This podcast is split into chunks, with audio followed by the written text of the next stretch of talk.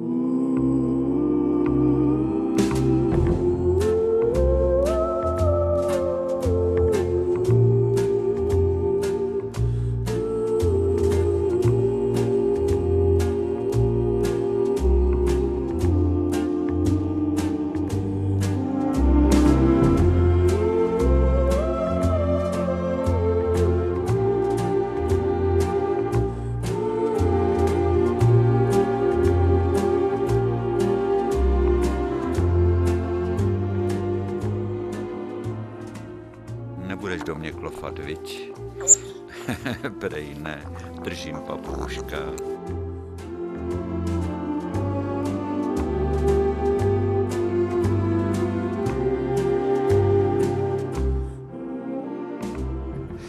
A, štípla mě hned na začátek, tak jdi do klece, rošťáku jeden. To je, to je pěkný začátek.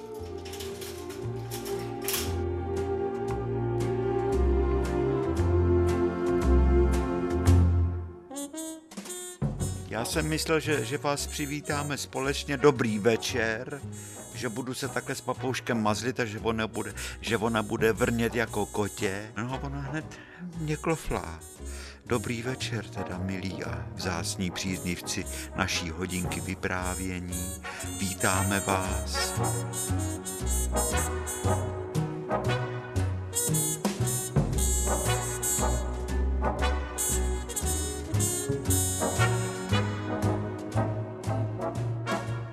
Když jí to brnafne, teďko se na mě tak mračí.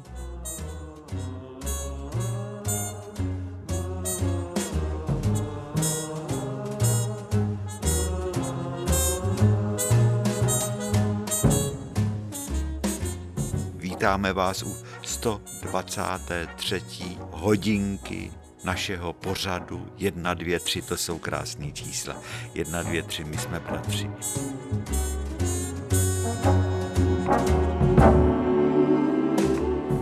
To byla nějaká říkanda, když jsme se rozpočítávali a hráli jsme před pikolou za pikolou, nikdo nesmí stát.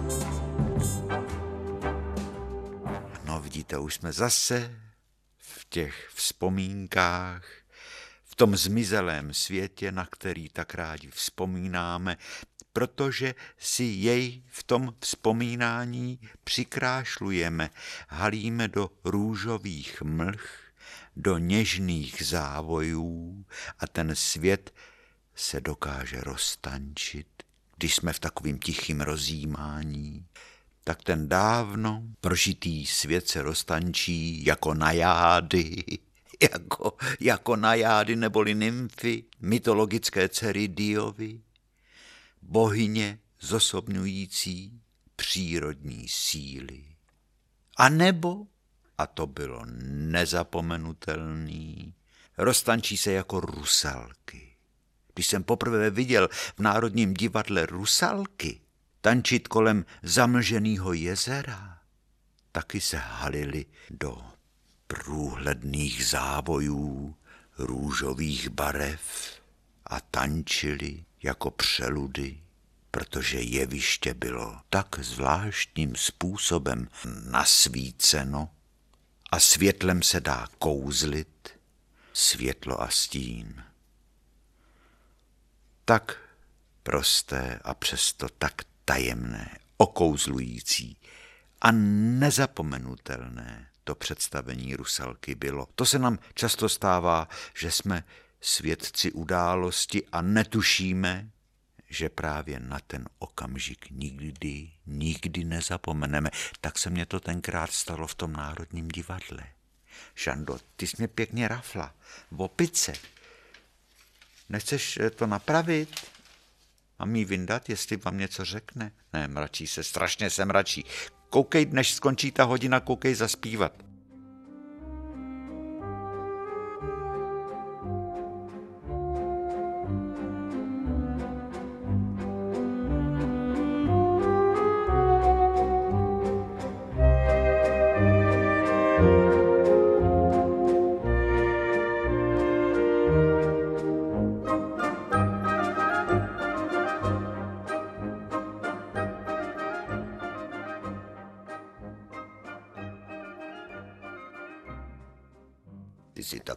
Opičák, musíme to vynahradit, přece nemůžeš do mě pořád klofat.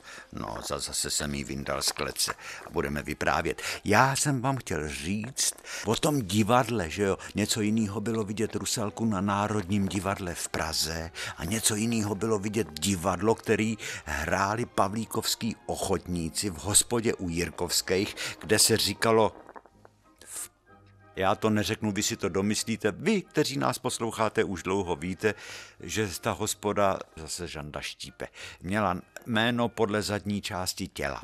To je jedno, ale tím byla slavnější ta hospoda. A nutno říct, že v té hospodě šenkoval Venca Jirkovských, a ten měl bráchu Rudlu, který šenkoval v druhý hospodě, která se nemenovala podle zadní části těla, ale vznešeně se této hospodě říkalo kolektiv, protože v té hospodě kolektiv chodili, do té hospody kolektiv chodili pít pivo komunisti, hrát karty tam chodili komunisti a Kulébr, Kulečník, tam chodili taky hrát komunisti. Kdežto do té hospody první, kde šenkoval ten Vencák, která se tak vošklivě jmenovala, chodili hrát mariáš, živnostníci a statkáři. No ale v té první hospodě, která byla větší, já tě neudržím. Ty jsi takový blázen, papoušek rozmazlený, trucovitý. V té první hospodě, kde se hrávalo to divadlo, tak tam protože když se hrálo ve dne, tak ten sál se musel zatemnit. A tam měli reflektory, jak říkali reflektorům, který měli vepředu takový koláče plechový a v těch koláčích byly čtyři díry. A ty díry kulatý byly v jedné byla folie červená, v druhý byl filtr se tomu říkalo odborně modrej, v třetí žlutej, ve čtvrtý díře byl filtr fialový nebo zelený. Poletíš, Žando? To je rtuť, to zvířátko malý, jak se, jak se tady vzpouzí. No, takže ty radši do klecaj, to můžu v klidu dopovídat. Popice jedna paličata.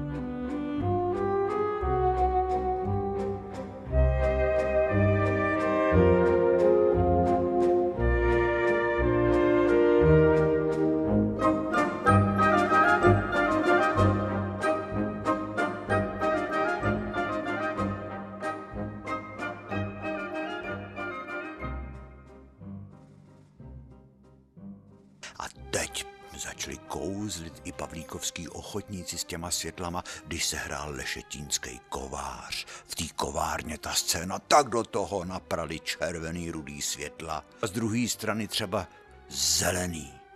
A teď ty postavy se měnily, z jedné strany byly zelený, z druhé strany byly rudý od toho vohně. Nebo když třeba se rozednívalo, tak oni vám udělali takový kouzlo tím světlem, že najednou jako když vychází slunce, protože do, do toho pustili žlutý reflektory. No a zase, když se stmívalo, tak to měli reostat. Reostat v pavlíkovský ochotníci k tomu nikdo nesměl, protože to byla bedna, to byla bedna, to byla, to byla vana železná, plná nějakýho, já nevím, co to bylo za vodu, to nebyla obyčejná voda, v tom byla ještě nějaký sajrajt, jak tomu říkali, elektrolit a takový veliký nože který končili rukověti měli z bakelitu, aby, protože na to sáhnou, tak to by byl mrtvej ten člověk hned, protože v tom bylo 220 voltů, možná ještě víc. A ty nože podle toho, jak se vynořovaly z té tekutiny, nebo jak se do té tekutiny za, zanořovaly, čím hloubš, tak tím víc ty světla zářily. Když zase, když se ty nože z té vody vyzdvihovaly nahoru a třeba se té vody jenom dotýkaly, tak ty reflektory jenom žávely málo, jo, takže ono se to dalo stmívat a rozsvěcovat na plný pecky. No, to bylo něco pro nás, když my děti jsme tam měli besídku a oni na nás taky takhle svítili že jsme z jedné strany byli červený a z druhé zelený a my jsme říkali, básničky, dovedete si představit, jak jsme si připadali? Žendo, jak si připadáš ty, ty opice jedna. Já s tebou mám takový úmysly dnešní, takový slavnostní, jo, to, protože to představení pavlíkovských ochotníků to byl vždycky obřad.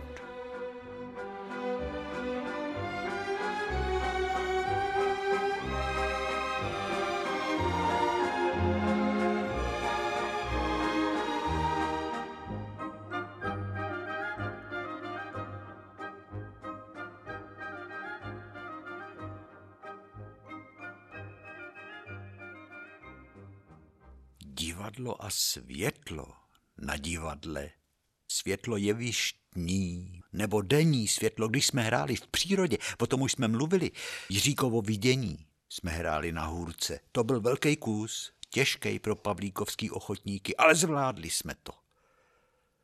No a já potom, když já jsem vlastně osm let s Černým divadlem procestoval skoro půl světa, tak Černý divadlo bylo založené skutečně na principu černého kabinetu, to znamená na světle, světelném kanále, osvětlení zvláštním, luminiscenčním osvětlením.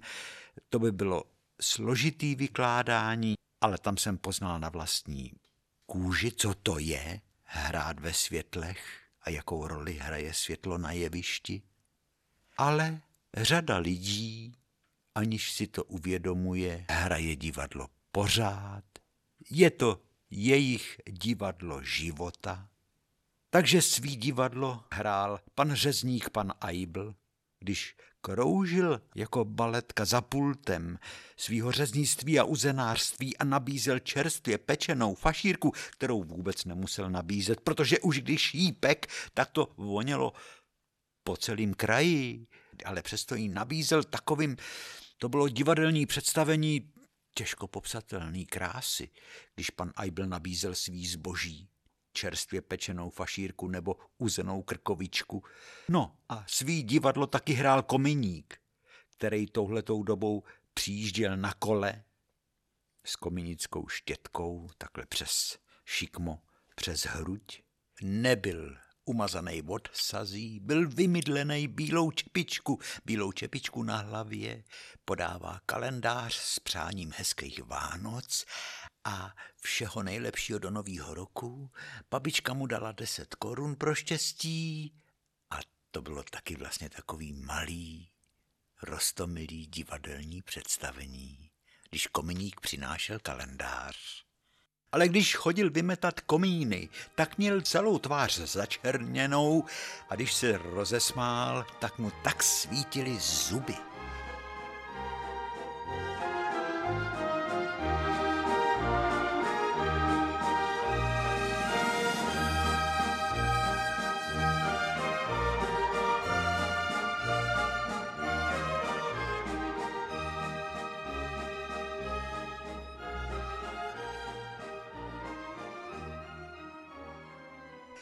No a svý divadýlko hráli pošťáci pan Kotík Pavlíček i pan Ledvinka, když začátkem měsíce vyjímali z velkých pošťáckých brašen tlustý knihy, které byly přepásaný dvojitou nebo i trojitou gumou z trenýrek, vyndali peníze a děda podepisoval převzetí renty válečného poškozence. A to vždycky zaznělo pár teple vřele lidských slov a pozdravů od ostatních válečných poškozenců, kterých bylo v naší vesnici z první světové války dost.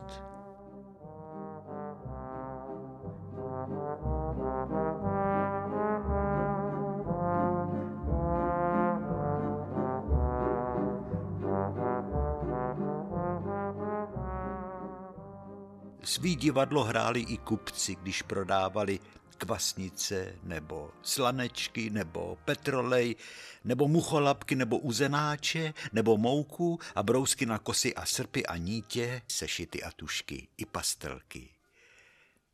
A tam jsem viděl taky divadlo, který hráli ženský před pultem. Před pultem hráli ženský svý divadlo pod světlem, na kterým od léta vysela mucholapka zapomenutá, mouchama obalená. Takže při vůni petroleje a slanečků zněly příběhy lidí. Nejdřív se probralo, jaký byl Mikuláš, taky u vás byl ten Franta Truxa jako čert. On ty děti vždycky tak zvrtačí, že se rozklepou a málem, že nedostanou psotník, co uravej. Co uravej psotník je horší. Teď si představte ženský, že ten Franta jako čert řekl mýmu Pepíkovi, řekni básničku. A víte, co mu řekl můj Pepík? Tu už jsem ti řekl posledně a teď mi řekni básničku ty. Ty jsi táta Franty, vedle kterého sedím ve škole v lavici heč a jestli mě tím koštětem nařežeš, zmydlím Frantu tvýho tak, že bude koukat. Takhle mu to ten můj kluk řekl a to se ženský smáli. No a pak se muselo přejít na to, jak se peče který cukrový. Popisovali se všechny druhy, jak jejich děti lepí z barevných papírů vozdobných řetězy na stromeček. Ale to cukroví, to se mě zbíhaly sliny, když se popisovaly pracny voříškový, nebo rohlíčky voříškový, nebo koule voříškový voňavý namáčený v rumu, nebo máslový, placičky, vykrajovaný, hvězdičky, koláčky, měsíčky a slepovaný marmeládou. No a potom se přešlo na štrikování a na párání všeho toho, z čeho děti vyrostly. Svetry se páraly a přeplítaly se bavlna, vlna, hladce, obratce. A co pořád těm parchantům máme pod ten stromeček dávat, oni všecko roztrhají, já pletu až jsem z toho úplně celá pitomá, šály, čepice, ponožky. Já zase párám to ty mý parchanti všecko roztrhají na cimpr, campr, co pak to ale je proti tomu, že oni vyrostou z bot? Boty. A kde máme pořád brát peníze na boty? To je tím, že berou ten rybí tuk. Já jsem to jednou ochutnala a tak jsem vracela fuj. Jak to ty děti můžou jíst? No oni to neradí, oni musí. To mají povinný, protože to, to jsou děti váleční a ve válce byli podvyživený. Tak vidíte, tak vidíte, my jsme vlastně podvyživená generace podvyživená válečná generace.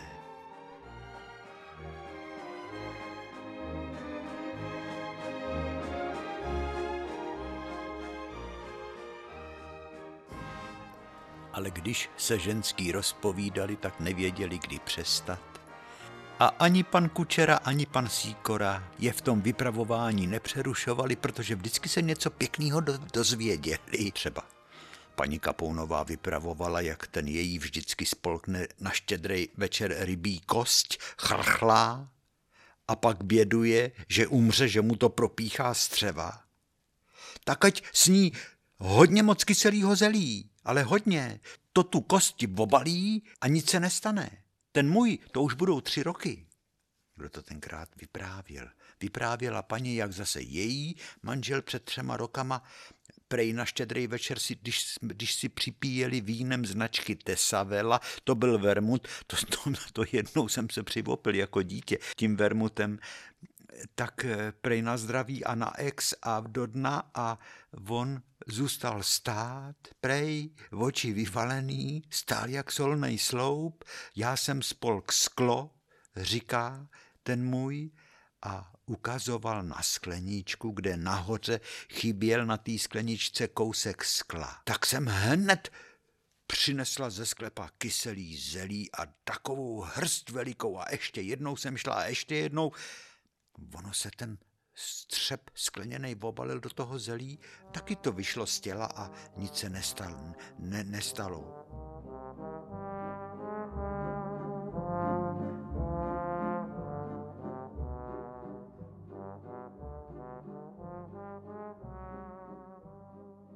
Zvláštní čas adventu. My jsme se trošku taky báli tmy, děti. A strašívávali jsme se tím, že jsme třeba do burgánu, do krmný řepy, tu jsme celou vydlavali. Prořízli jsme tam vodorovnej otvor jako huba, která se směje, dvě oči, dírky a takovou čárku jako nos a do toho jsme zapálili svíčku a dali jsme to kamarádovi za okno. Takže za oknama hořely svíčky ve vydlabaných burgánech a to byly takový jako kmitající, takový světelkující, rozšklebený držky, kterými jsme se jako děti obdarovávali. Stáli zvenku za oknem na tom zděným parapetu. To byly tak brzo tmy, že nás to úplně tak jako trošku tísnilo. Ale když nám rodiče řekli, že na nový rok oslepičí krok, na tři krále o krok dále, na hromnice o hodinu více, že už se to vlastně začne obracet a že už se začnou dny prodlužovat, tak hned jsme dostali lepší náladu.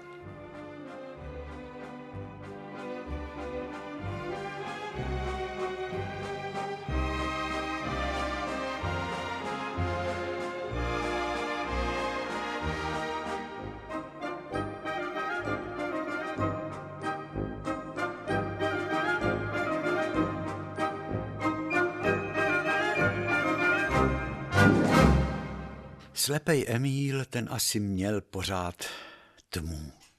Ani nevím, jestli byl slepej od narození, nebo jestli svět viděl, ale v každém případě my, když jsme si hráli na slepou bábu a zavazovali jsme si oči kapesníkem nebo šátkem, tak jsme si trošku mohli představit, jak vypadá temnej svět slepce Emíla.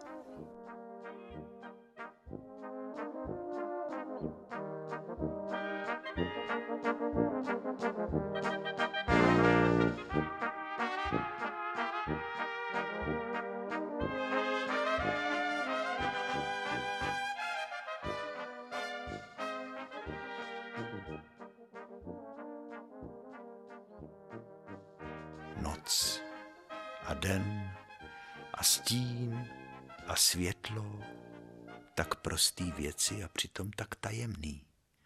Se světlem se dá kouzlit.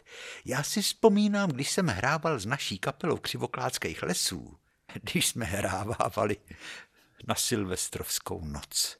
Tak Čenda, náš kapelník, před půlnocí začal hrát směs.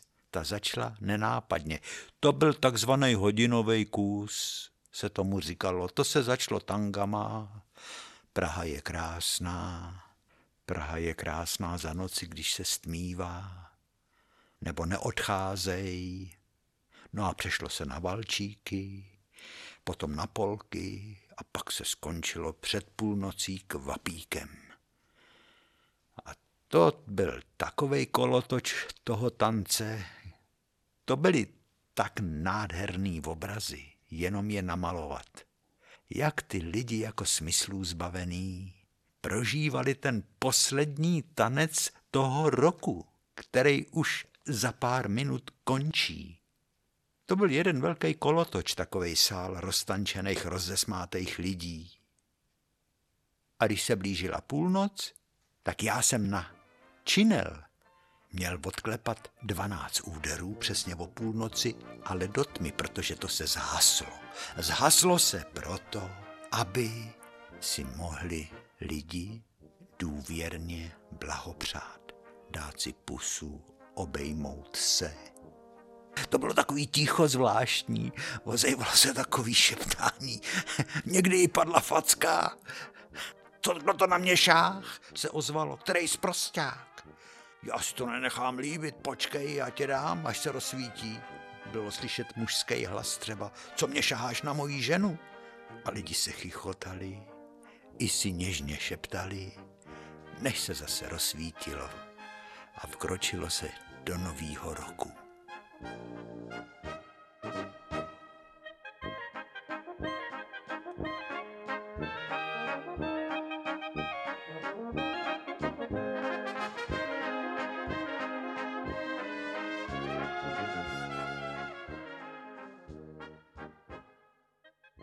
Zvláštní kouzlo má plamen svíčky. Nebo to něžný purpurový světýlko věčného světla v kostelích, jak visí, jako rubínovej drahokam. To taky na člověka padne taková až posvátná nálada, když hledí na věčné světlo. Taky v Biblii je psáno, že stvořitel pravil budíš světlo a ve světlech svíček je cosi opravdu až mystického, tajemného, magického. Při světle svíček jsme křtěni svíčky nám svítívají, když opouštíme tento svět. A mezi tím je to, čemu se říká život. A při svíčkách byly malovány veledíla,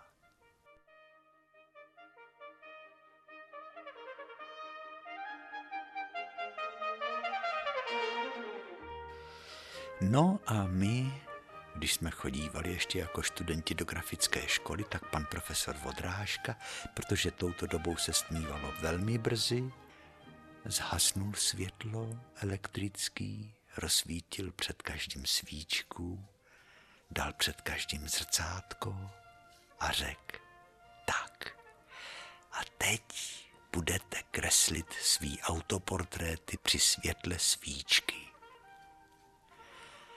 A oni vznikaly tak zvláštní, tak cituplný kresby, že i nás to překvapilo.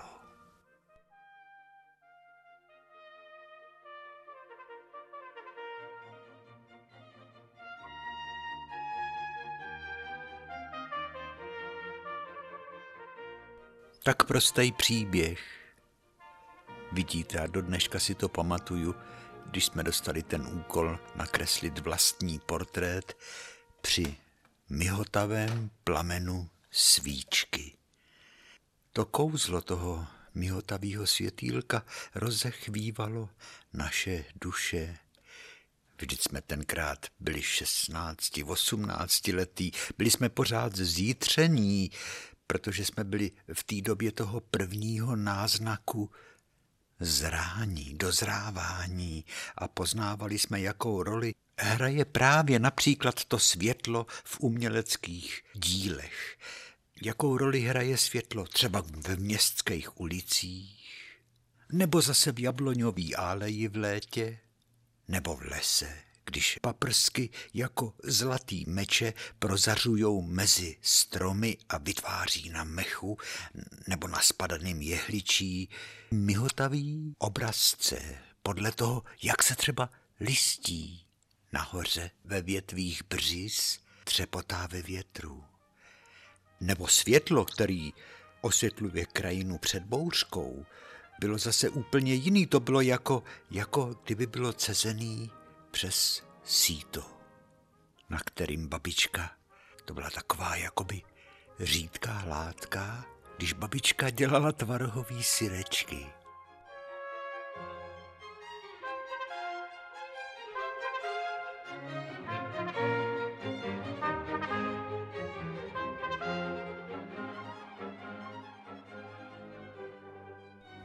Zase když třeba přišly takový ty letní dny, kdy slunce pralo, až nám z toho jasu se točila hlava a každou chvilku přicházely bouřky, tak to bylo úplně jiný světlo. Ploty kolem zahrad a stromy, i třeba osamělý stromy v dálce i vzdálený lesy měly tak výrazný kontury, jako kdyby někdo vysál obrovskou vývěvou ze světa, z celého světa vzduch, tak se všecko zdálo být blízko i na ty lesy, které byly až tam někde dál. Daleko na, ob, na obzoru to byly lesy brd, tak jako kdyby jsme si na ty lesy mohli sáhnout rukou a to bylo to přeludně krásný ostrý světlo i ostrý stíny rozzářených letních dnů.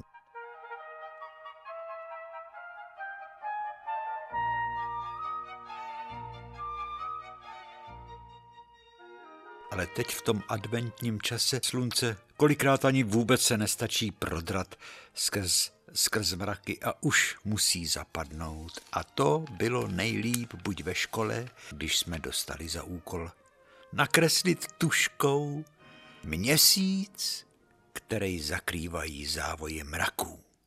Měsíc v nočních mracích nakreslit šerosvit se tomu říká, neboli sfumáto. Sfumáto, šerosvit. To nás bavilo, proto, i když teda to bylo těžký, protože při tom stínování se ruka, která držela tušku, se mohla jen tak velmi jemně dotýkat papíru, když se dělal šerosvit.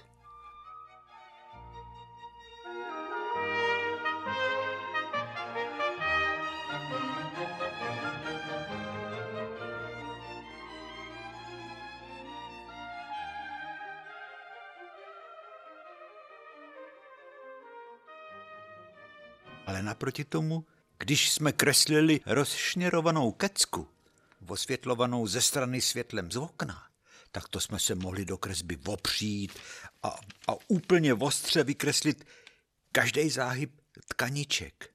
I ty dírky na ty tkaničky, které byly volemovaný plechem. Se světlem a se stínem jsme si mohli vyhrát, když jsme kreslili kulatý cibule. A pozorně jsme se zakoukali, tak najednou jsme viděli, že ten největší stín není na konci té zakulacený cibule, ale kousíček před koncem. A ten vlastní konec zakulacený cibulen, než se ztratí, než zmizí ve stínu pozadí, byl naopak světlejší. To byla ta teorie o stínu vlastním a stínu vrženém. Každý předmět kulatý osvětlovaný měl hlavní teda osvětlený bod a potom se muselo velice citlivě stínováním udělat modelaci. Ta modelace byla nejtmavší ne na konci té cibule, ale těsně před tím koncem té cibule, protože ten vlastní konec té cibule, než zmizel v šedým pozadí, byl vždycky světlejší. A přímo ďábelsky těžký bylo nakreslit třeba bílej pingpongový míček na bílém podkladě před bílým pozadím nebo vajíčko. To jsme na to koukali, no úplně vyděšeně, co ta příroda vyvádí, jak v té přejemnělé modelaci těch měkkých stínů a polostínů doslova kouzlí.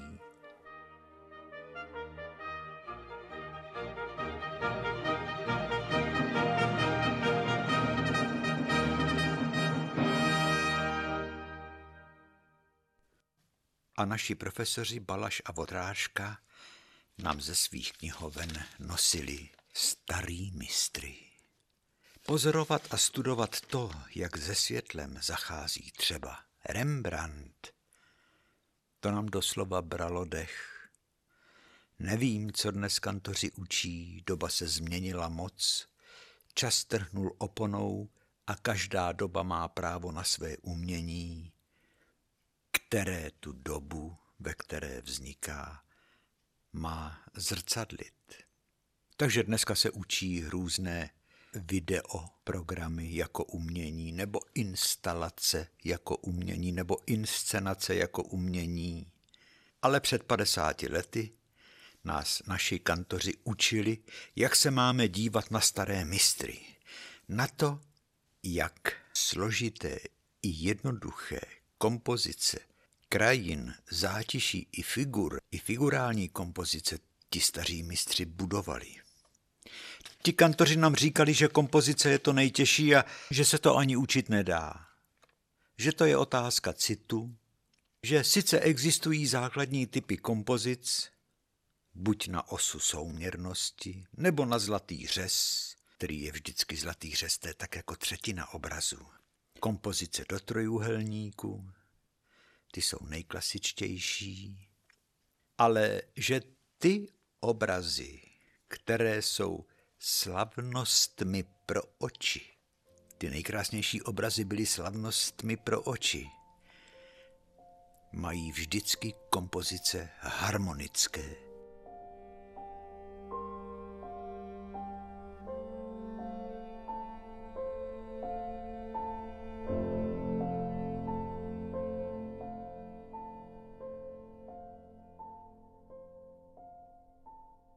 Vždycky se v nich dá vysledovat hlavní svislá linie, která je buď ve středu, když se jedná o středovou kompozici, nebo na tom zlatém řezu, což je ta třetina obrazu.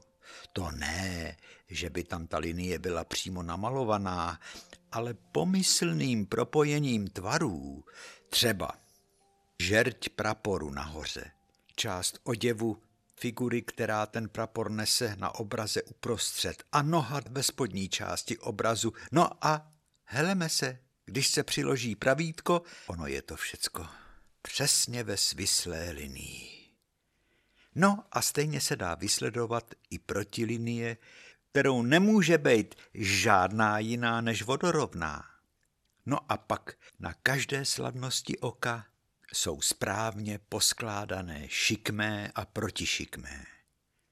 Například na vlastní podobizně Rembrandtově, která má tu nejjednodušší kompozici.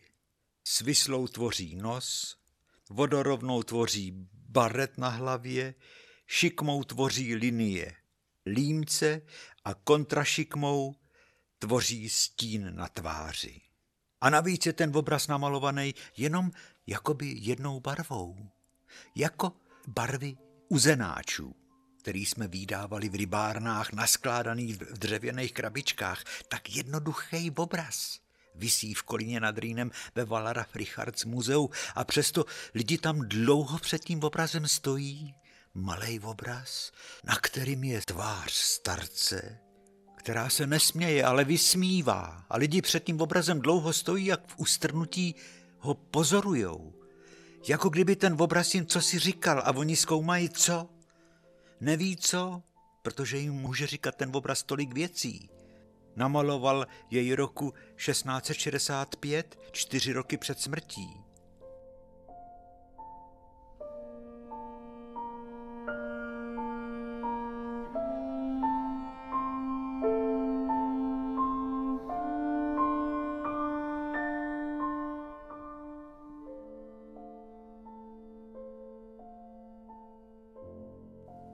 No jo, ale třeba se nás ten Rembrandt ptá, rozumíte tomu, co jsem vám svým dílem chtěl říct?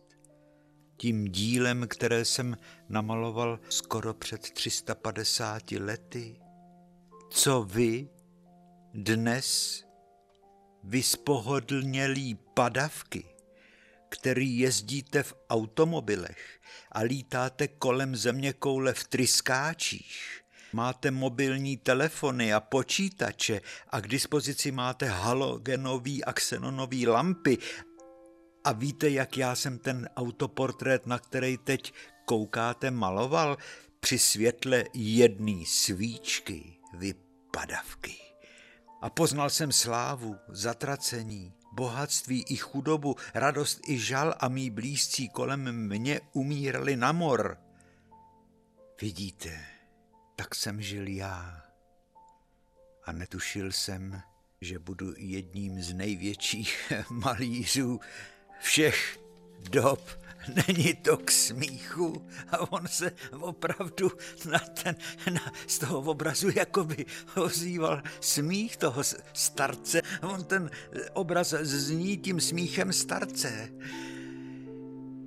A proto možná před tím obrazem nenápadným ty lidi tak dlouho postávají.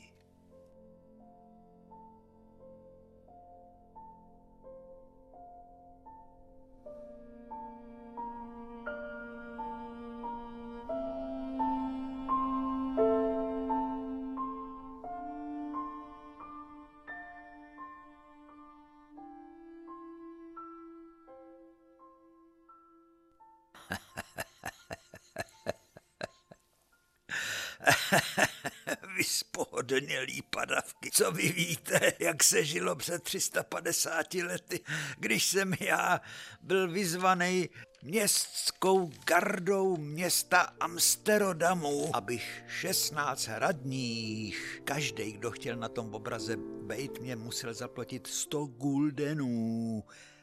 A já jsem je namaloval jako scenérii na ulici, jak jdou pochodujou. Jeden z nich má buben. Namaloval jsem tam i děti. Obraz jsem oživil. No jo, ten obraz je pravzvláštní. Já nikdy nezapomenu, jak jsem před tímto obrazem stanul poprvé v Rijksmuseu v Amsterdamu.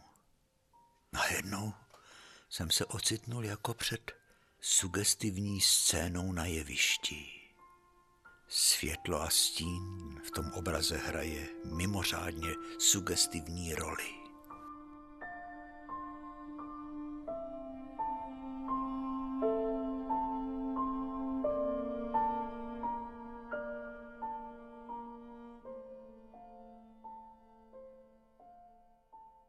Rembrandtův autoportrét, který zní smíchem starce je dílem, který Rembrandt z těch nejniternějších důvodů musel namalovat.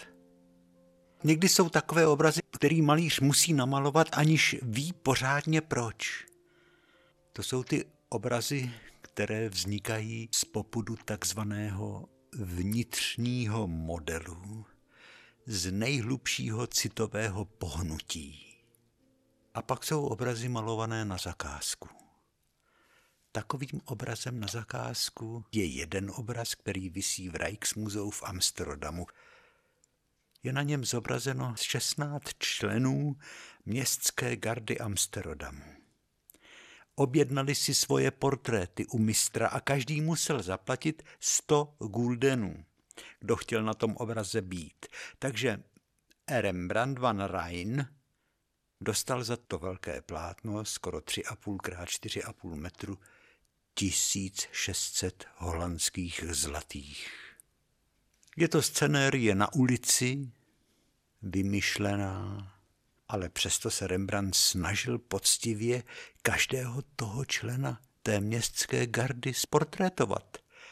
Jenomže, když začal obraz komponovat a zapojil do obrazu sugestivní hru světla a stínu, musel některé postavy ponořit do stínu který vrhali postavy, které byly v prvním plánu, v popředí.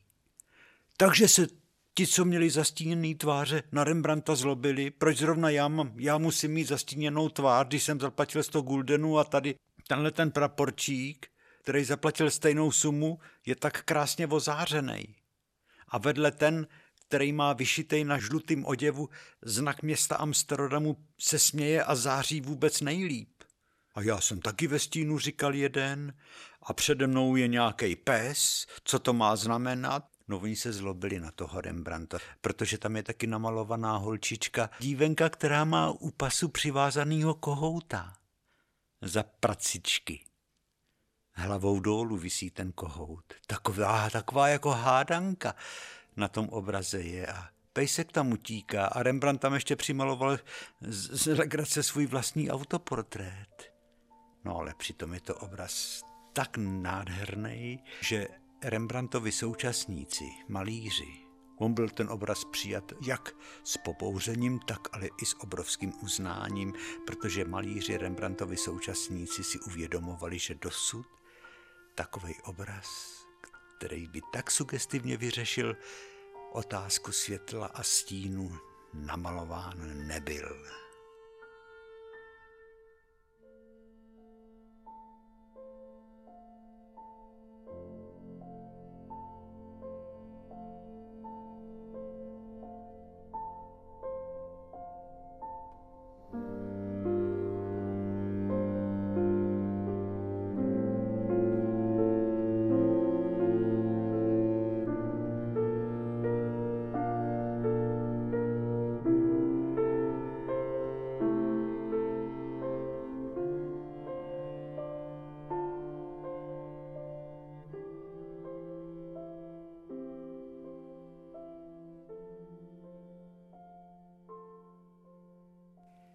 No a vaším úkolem, naši milí, je napsat nám, jak se ten obraz jmenuje. Jsou to dvě slova, přídavné jméno a podstat, přídavné jméno a podstatné jméno.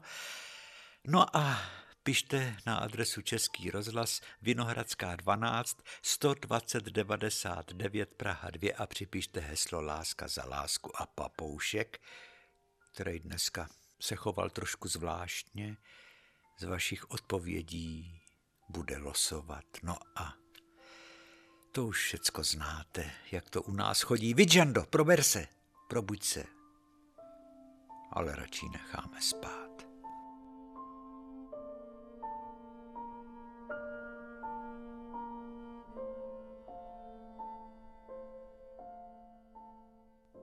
Portréty 16 členů městské gardy Amsterdamu. Je sice obraz krásný, mistrovské dílo, je to mistrovská malba, mistrovská kompozice, mistrovská atmosféra. ale byl to obraz malovaný na zakázku. Kdežto ten prostý autoportrét, ze kterého na nás se dívá, vysmívá se tvář starce, vyschlá jako treska. Jak jsem řekl, jako uzenáč, jako kdyby jsme slyšeli z toho obrazu. Já nevím, co na tom obraze můžete vidět, kdy tam jsem já, starý dědek, a vůbec je to obraz tak nebarevný. Až někdy pojedete do Kolína nad Rýnem, jděte se podívat do Valara Frichards muzea na Rembrandtův autoportrét, kde se nám vysmívá. A možná, že mě dáte za pravdu že ten obraz jakoby zněl tím smíchem starce.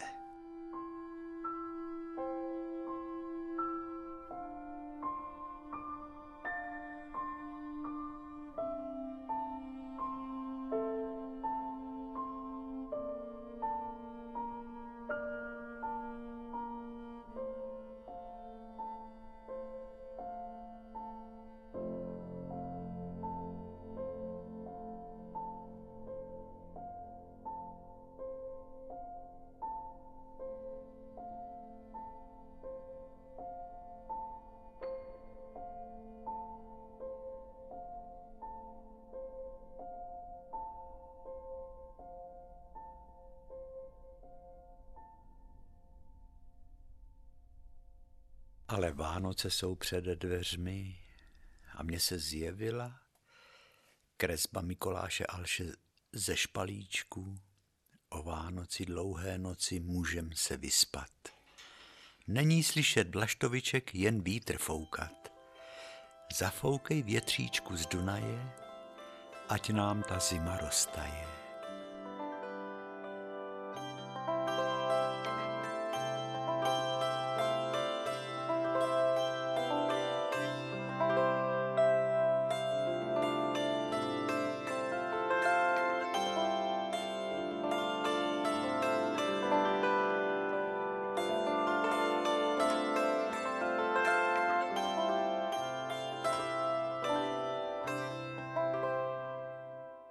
No a Vánoce si nedokážeme představit bez pohlednic Josefa Lady, vesnická náves, hvězdnatý nebe, noc, ponocný troubí, u nohou mu sedí pejsek a možná, že se sypou i v sněhový vločky. A ten obraz zní, má magickou moc, protože to troubení toho ponocného zní a děda vypráví, když přišel raněný s ochrnutou rukou levou z první války, tak on si myslel děda, že mu dají trafiku, ale tu dostal, no dostal trafiku vydra. Děda, na dědu zbyla trubka ponocního a hůl. Takže děda chodil po vsi v noci a každou měl velký hodiny, ty taky mu dali z úřadu a když byla celá, tak vždycky zatroubil.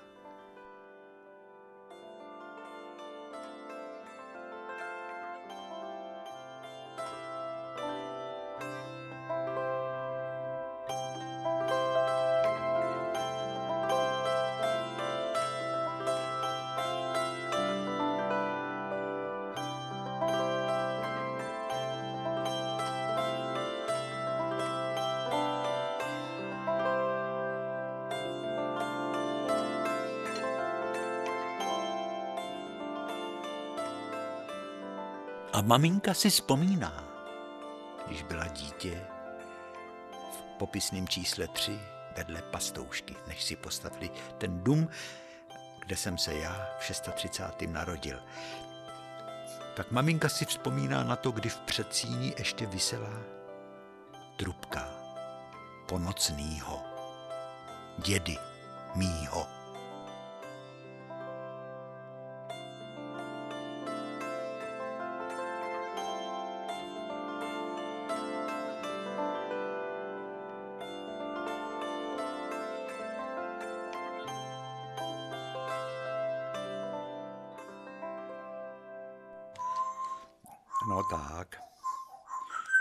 To krásný, ještě jednou nám zaspívej. Minule si nespívala, teď nám to vynahradíš.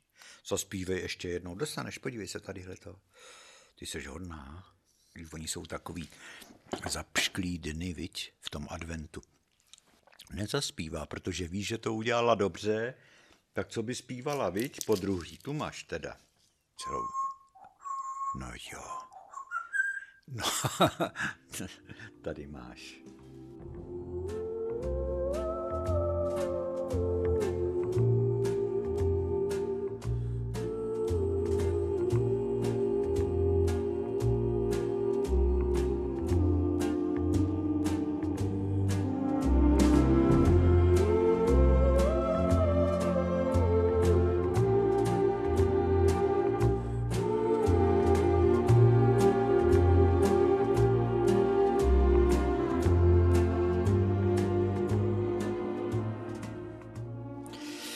Tak vidíte, naši milí, jeden z adventních večerů končí.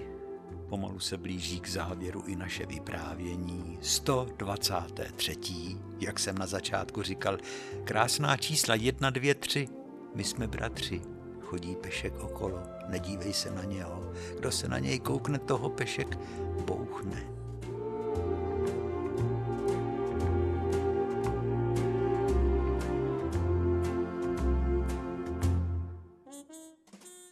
Děkujeme vám za váš čas, který jste nám věnovali, za přízeň, za vaše dopisy.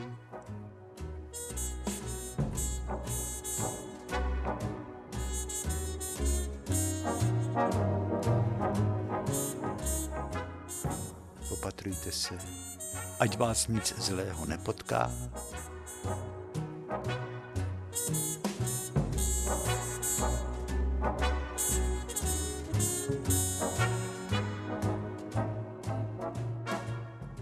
Buďme na sebe hodní a těšíme se na setkání u rádia příště. Hezký večer.